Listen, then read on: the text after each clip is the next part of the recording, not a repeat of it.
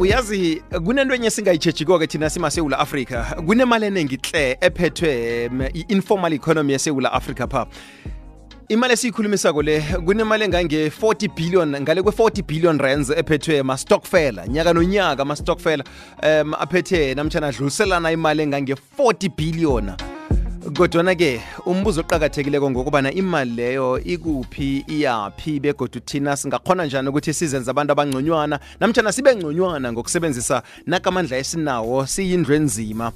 Ngale kwe-40 billion. Ngokhunye singakutshejiko lokho kunemali engale kwe enganamali ayi-150 billion 150 billion um ebhadelwa ngurhulumende kuma-social grants ngonyaka utshengisa ukuthi imali inengangangane khona hlangana nathi abantu abanzima. Kodwana-ke namhlanje sisiqala ngabomu indaba ama-stockfel ukuthi ama-stockfel la singawasebenzisa njani siyindlu enzima ukuthi senze ngawo umnotho. Yimalami ngemva kokwenza nje. Ngo-20 minutes past 2 o'clock le igwegwezi fm kukhanya ba. Lindiwe lotsha Eh mhlalukwana nivukile. sivukile namhlalukwana sibuza ngakini? Awa nokho sifile. Siyathokoza Eh, siyathokoza Siyathokoza nakumlaleli emakhaya. Eh sivele singene embabini.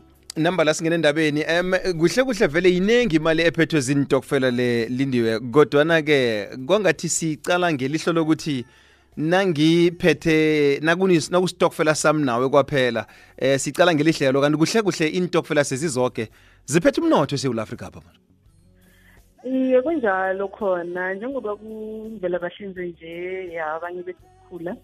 Eh kune mm, ama-stockfela um, the National Savings Month ne so kune awareness yokuthi abantu babeke imali.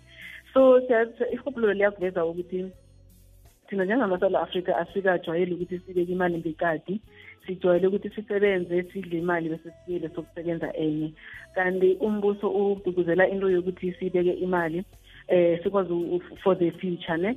So um, um, i-state lesi esivezwa ukuthi esivezwa i-national savings institute ukuthi abantu asisavi siphambana nalesi sokuthi imali engangani ephezu kwama-stockfel yazwisisa so ngoba abantu abantu indlu le yenzima sijwayele i-stockfela kunokuthi singene ebhankeni sibeke imali.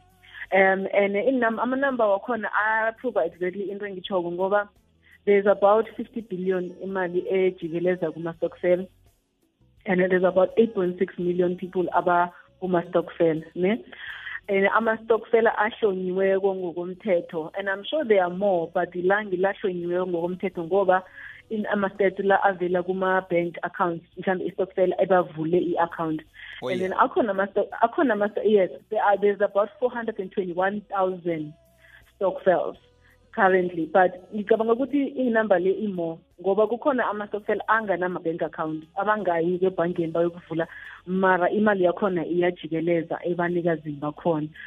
Uh, so inkinga ekhona ukuthi why why istokfela si abantu basithoma?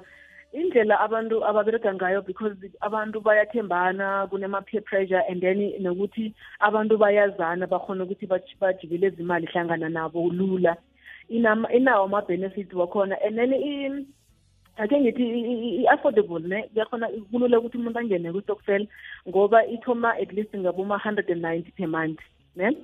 Um nakungabe ngistokfele lesi se- se- semingcwabo ne?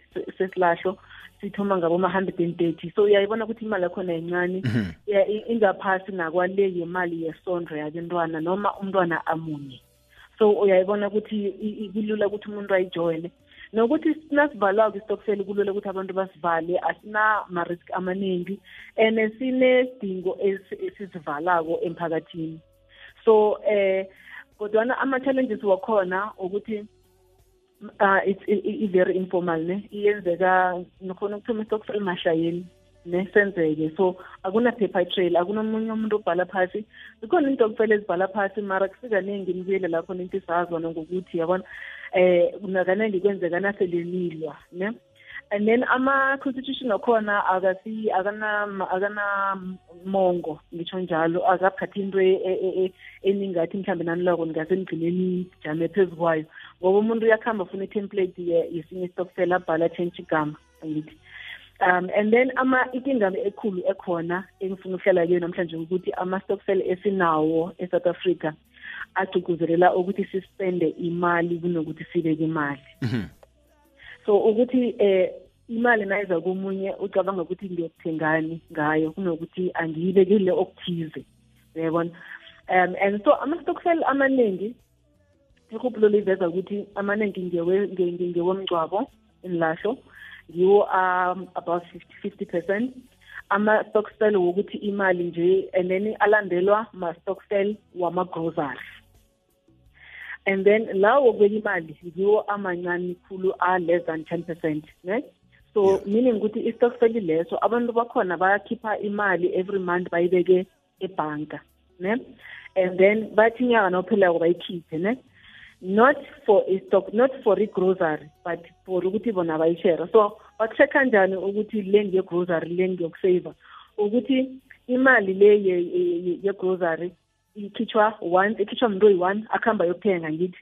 Le yokusava umuntu uzokuhamba ayideposite ema-akhawuntini wabanye abantu angitsho because so that is why but that is how they determine ukuthi le ngiyokusava le ngegrocery so lezi zomngcwabo nama-grocery ngizo ezikhamba phambili so which means ukuthi into leyo isikhombisa ukuthi ama-stockfel la basically abantu bawenzela ukuthi baspende more kunokuthi babeke imali for into eh mhlambe e-meaningful not ngingasho ukuthi umngcwabo is not a meaningful thing. So in- into etsho ukuthi actually we are a spend we have a spending culture kunokuthi sibe ne-culture yokuthi sibeke imali. So esizama ukugcizelela ukuthi kube nama-stockfel wokuthi sibeke imali for izinto ezifana nefundo for izinto ezifana nokuthi mhlambe istokfele nikhambe nokuthenga ama-shares ekampanini ethize uyabona? Njengonyana bekukhona nje ama-shares ebhalwe wells ningathatha ngifake imali lapho. Um noma istokfela abantu akhunye khona mhlalo kwanokuthi abantu bestokfela abafuni ukuthatha i-risk. Ngifuna ukuthini nangitsho njalo nangifake i-hundred rand ngide kubuye i-hundred rand ubuncane bakhona. Ya ubuncane bakhona. Ngingathi ngifake i-hundred rand kuyi-ninety rand ngoba kunama-cost akuphi kuphi e-e leyo ayi ayi. So it means ukuthi asithathi i-risk ne? So it means ukuthi nafanele sithenge izinto mhlawumbe ezifana nama-shares so asifuni ngoba ngitsho kune-risk there. Phela kuya ngokuthi imarket izokuphefoma njani. Ngiyavuma. so abantu bestokfel abathanda ukuthi then imali abo ibuye ichota then ibuye injalo or ibuye imore mara izokubuya imore if imali was in a savings um account uh, which in interest akhona iyabonakala maybe ngaphezu between four percent and seven percent depending ukuthi isilulu semali nesifakileko siyimalini. So engifuna nokuthi ngivane ngakho ukuthi sizama uku-encourage ukuthi ama-stockseller ngoba kuyindlela esebenzako kuyindlela ethembekileko emphakathini sitshentshe indlela esewaqale ngakho ukuthi si- abe ma-stockfel azofakhela umnotho. Yeah. Kunalokho ukuthi sidle kuphela kube ma-stockfel wokuthi sithele ingrocery nokuthi sibulunge kuphela. Siqale nokuthi i-future yethu singawenza njani ukuthi mhlawumbe nibe ne-stockfel sokuthi omunye umntwana akhe naka-university nizombhadelela i- i- i-registration. Yabona into ziyakhonakala ngoba imali eseculathako iningi i mean fifty billion it's, it's a lot. Yeah, this is so i- i- imali le ikhona is the way we structured. Kukhona ama-stockfel abenza izinto ezigarisako mhlalukwana la bathenge khona ama-shares. Ngitho abomama abahlala emakhaya. Ongekhe wabanaka ukuthi bangayicabanga into njalo banama-shares ma-shareholders ngoba ngemali yestokfela abayithwa bobaba nje as i-pocket money. Badecide ukuthi bathole istokfela. So ziningi izinto ezi-useful but akhe ngithi iveke ezako or imveke ezilandelako sizoqala ukuthi singayithelela njani imali le ukuthi siyifake kuma-savings vehicles azoba nama-return abonakalako. Wow. Konke lokho kuthonywa stockfela nje kwaphela. Lindiyo magobholi Konke- lokho kuthonywa stokfela. Istokfela yeah. ngiyakutshela ukuthi i-financial i-financial services industry e-south africa ayikasiqaleli phasi istockfela lindiba bakusingibo bodwa um zangitshele i- i- kune kune kune kunentolo eziningi ezikulu ama-chain amakhulu entolo njenganje ahlangana nezinye ne- ne- nama-strategies abanawo kuma-strategy wokungena ku- emphakathini abantu abanzima. Ngokwazi ukuthi kunemali enengangaka ekhona ngaba ama-social grants ngaba ama-stockfela la ngikho kunje kunama eh, kunemali eh, ngithi kunama zibizwani konje?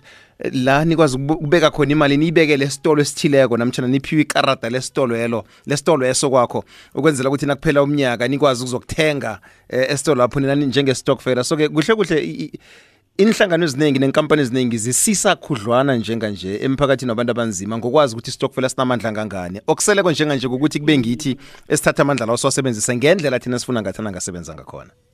Ya i- i- isikopilo lethu akhe ngithi mhlalukwana um seventy nine percent of south africa babantu abindlenzima yeah yeah isikopilo lethu alikhambi nephepha esikhathini esiningi ngoba singakafunda. Ngikho abantu banga- bakudisa ukuthi bangene ebhankini. Bafake imali leyo so kungcono ukuthi idlule la ezandleni zethu angithi.